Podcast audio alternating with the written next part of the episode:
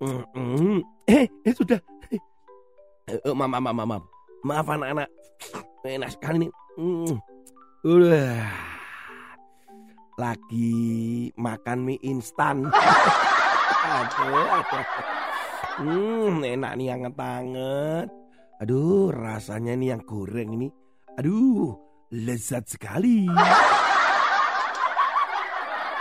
Halo halo anak-anak, ngomong-ngomong tentang mie instan itu tentunya eh ada ada mie di di bibirnya Kak Tony ini sebentar. Eh, yes. eh, ngomong-ngomong mie instan kalian pasti pernah mendengar atau mungkin kalian pasti penggemar atau pernah memakannya bukan? Walaupun ada beberapa orang tua memang membatasi kalian untuk tidak makan mie instan terlalu sering. Kak Tony juga membatasi anak-anaknya Kak Tony untuk tidak makan mie instan itu terlalu sering. Karena memang karena instan, jadi beberapa hal yang harusnya bergizi dan bervitamin begitu biasanya lebih sedikit dibandingkan makanan-makanan langsung yang dimasak oleh orang tuamu atau memang kalian yang masak. Ngomong-ngomong tentang mie instan, sebenarnya mie instan ini ada ya sejak kurang lebih 1958 atau 10 tahun setelah Jepang itu kalah pada Perang Dunia Kedua.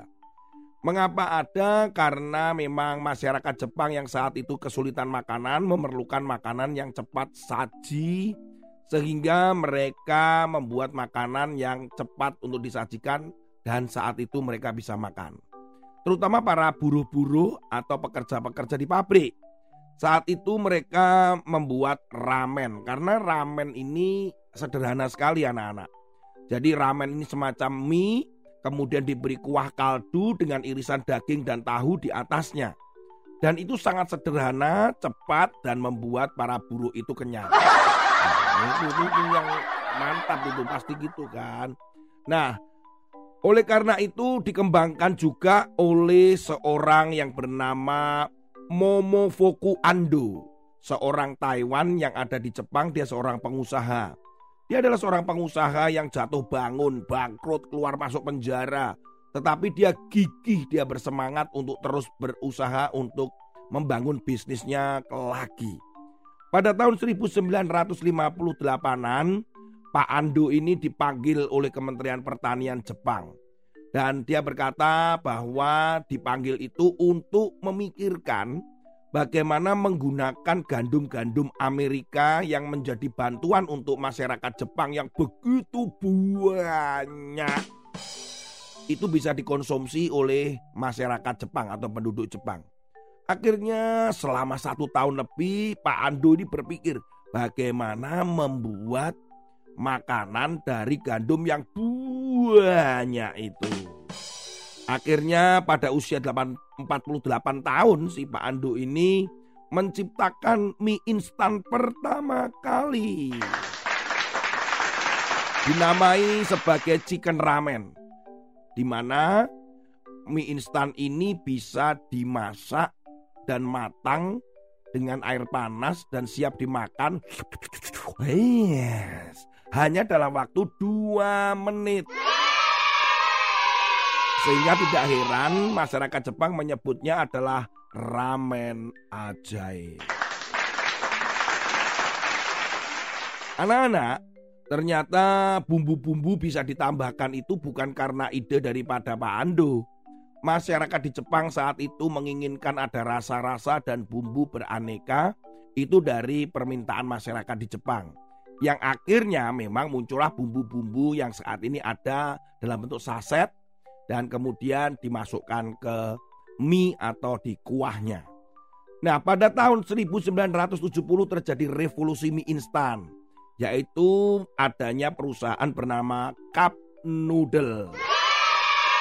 Di mana revolusi itu adalah dalam bentuk wadahnya itu loh anak-anak. Bentuknya kan seperti cup ya, dalam bentuk styrofoam di mana itu menjadi tempat untuk masak, tempat penyimpanan, bahkan tempat untuk ketika makan. Sehingga itu menjadi ledakan penjualan yang luar biasa yang dilakukan oleh cup noodle. Kalau kalian dilihat di supermarket pun cup noodle itu ternyata masih ada loh anak-anak. ya. Nah, Tahun 1990 penjualan mie instan di seluruh dunia mencapai 15 juta porsi. Tahun 2001, 11 tahun kemudian 50 juta porsi. Dan catatan tahun 2012 itu mencengangkan sekali. Ada 100 kalian pasti menebak 100 juta kan? Maaf, ada 100 miliar porsi mie instan tersebar di seluruh dunia. Nanti akan dihitung lagi nanti tahun 2023 karena setiap 11 tahun. Sekedar kalian tahu tahun 2019 Indomie goreng. Ya, kalau kalian ada dan tahu Indomie goreng buatan Indonesia tahun 2019 masuk dalam 10 mie instan paling enak seluruh dunia. Ngomong-ngomong tentang mie instan ini, firman Tuhan dikatakan di dalam Amsal pasal yang ke-20 ayat yang keempat.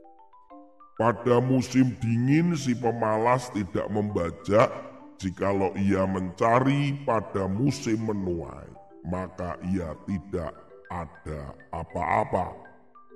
Anak-anak, ayat ini sebenarnya berkata bahwa sering kali kita itu tidak mau ada usaha, tidak disiapkan dengan baik Dikatakan si pemalas itu tidak melakukan apa-apa, eh nanti waktu musimnya kita harus menuai nggak dapat apa-apa. Ya jelas lah, nggak ada usaha, tidak ada belajar, tidak ada menanam, mana ada. Yang namanya tidak menanam terus kemudian menuai.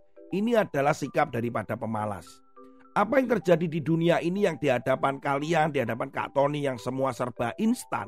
Seperti mie instan itu tadi, membuat kita itu malas loh anak-anak malas memasak, malas menambahkan ini, malas untuk itu. Banyak hal. Di dunia ini begitu banyak instan-instan, bukan hanya mie instan saja. Ada yang namanya bubur instan, ada kopi instan. Semuanya serba cepat saji. Semuanya serba cepat untuk disajikan. Nah akhirnya membuat manusia itu tidak sadar punya kebiasaan malas. Ah nanti aja ah menunda. Ah enggak ah apa nanti saja ah begitu terus begitu yang terjadi. Sehingga kita tidak mengikuti yang namanya usaha-usaha di awal-awal. Seperti di firman Tuhan yang tadi. Anak-anak mie instan memang mungkin dalam kondisi mendesak. Karena mie instan itu dibuat ketika zaman perang supaya manusia atau masyarakat itu bisa makan dengan cepat dan kemudian bekerja dan dia tetap hidup. Pada kondisi-kondisi seperti saat ini banyak orang menggunakan mie instan itu karena malas. Kenapa? Malas memasak, malas pergi ke sana, malas itu. Nah, akhirnya mie instan aja dah, mie instan aja lah. Nah, ternyata itu mendidik kamu dan Kak Tony menjadi orang-orang yang malas gitu. Ayo anak-anak, belajar dari mie instan ini supaya kita itu bukan menjadi ingin cepat, ingin cepat, ingin cepat, tetapi kita tidak ada usaha. Usahalah sekarang, kalian belajar, kalian mengerjakan proyek, kalian harus latihan. Semuanya itu untuk masa depan kalian lebih baik. Tuhan menyertai kalian, Tuhan memberikan talenta, kemampuan, potensi kepada kalian. Itu harus dilakukan dengan dilatih, belajar, supaya kalian kelak nanti waktu besar, kalian tahu bahwa semuanya itu ada hasil yang sangat luar biasa. Tuhan Yesus memberkati, jangan malas, dan selamat hari yang terbaik hari ini. Tuhan Yesus sayang kalian. Amin.